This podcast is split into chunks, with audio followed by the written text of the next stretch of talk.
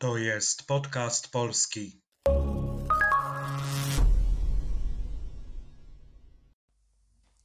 Cześć, oto kolejny odcinek podcastu polskiego, audycji dla tych wszystkich, którzy uczą się języka polskiego i chcą popracować nad rozumieniem ze słuchu i nad wzbogaceniem słownictwa. Oto dzisiejszy nagłówek. Dochód podstawowy przestaje być fikcją. Przynajmniej 14 krajów rozdaje teraz pieniądze. Prześledźmy znaczenie kolejnych słów i sformułowań. Dochód. Po angielsku powiemy income. E, dochód to pieniądze, jakie zarabia państwo, przedsiębiorstwo lub osoba po odliczeniu kosztów uzyskania. Przykłady. Dochody naszej firmy wzrosły dwukrotnie w porównaniu z rokiem poprzednim. Anka odkłada część dochodów na przyszłe wakacje. Podstawowy. Po angielsku powiemy basic, essential, fundamental. W tym przypadku basic income to dochód podstawowy. Inne przykłady użycia. Ryż to podstawowy składnik wyżywienia w Chinach. Znajomość języka angielskiego to podstawowy wymóg, jaki stawiamy kandydatom do pracy w naszej firmie. Wielu osobom brakuje podstawowej wiedzy na temat ekonomii. Przestaje. E, to forma trzeciej osoby liczby pojedynczej czasownika przestawać, to stop, to cease. To forma niedokonana, którą stosujemy, kiedy interesuje nas stan aktualny, coś dzieje się teraz, lub kiedy interesuje nas bardziej proces, a nie jego rezultat. Forma dokonana to przestać. Przypomnę, czasowników dokonanych używamy do mówienia o przeszłości i przyszłości, a nie teraźniejszości. W przypadku tego czasownika, czyli przestawać, przestać, z uwagi na jego znaczenie, częściej używamy formy dokonanej. Oto inne przykłady użycia tego słowa. Musisz przestać myśleć o Marku. Wasz związek to już przeszłość. Krzysiek przestał pracować w tej lodziarni tydzień temu.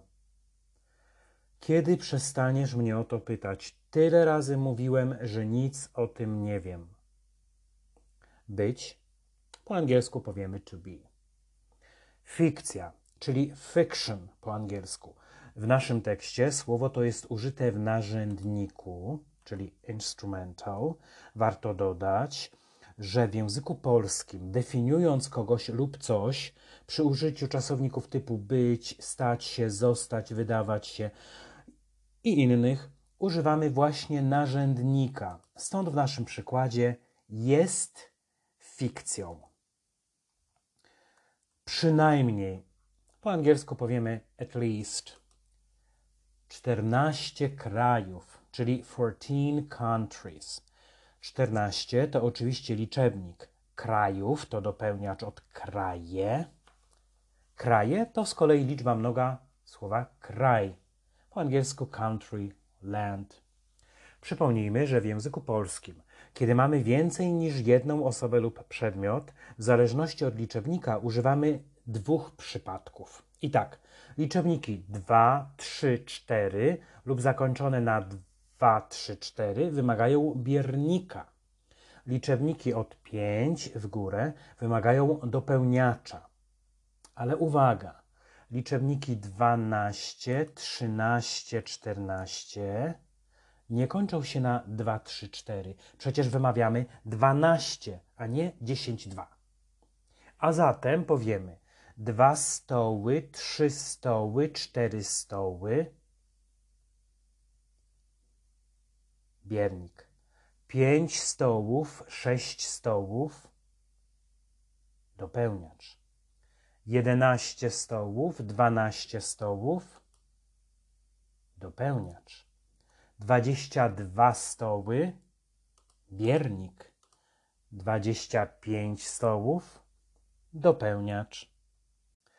Rozdaje to forma trzeciej osoby liczby pojedynczej czasownika rozdawać to give out. Rozdawać to czasownik niedokonany.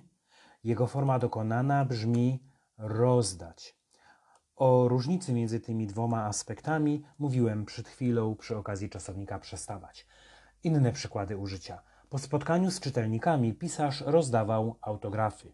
Przed zajęciami profesor rozdał nam materiały do lekcji.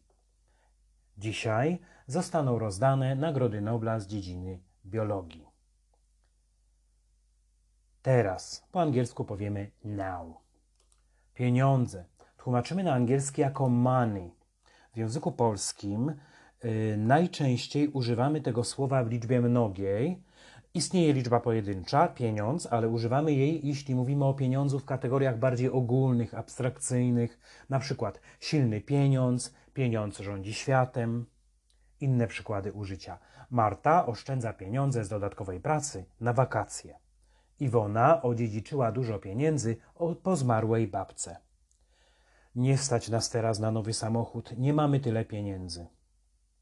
Było to ostatnie słowo na dzisiaj. Na koniec jeszcze raz posłuchajmy całej informacji. Dochód podstawowy przestaje być fikcją, przynajmniej 14 krajów rozdaje teraz pieniądze. Przypominam, że wszystkie odcinki łącznie z transkrypcją znajdziecie na moim blogu podcastpolski.pl. Dziękuję za uwagę, do usłyszenia.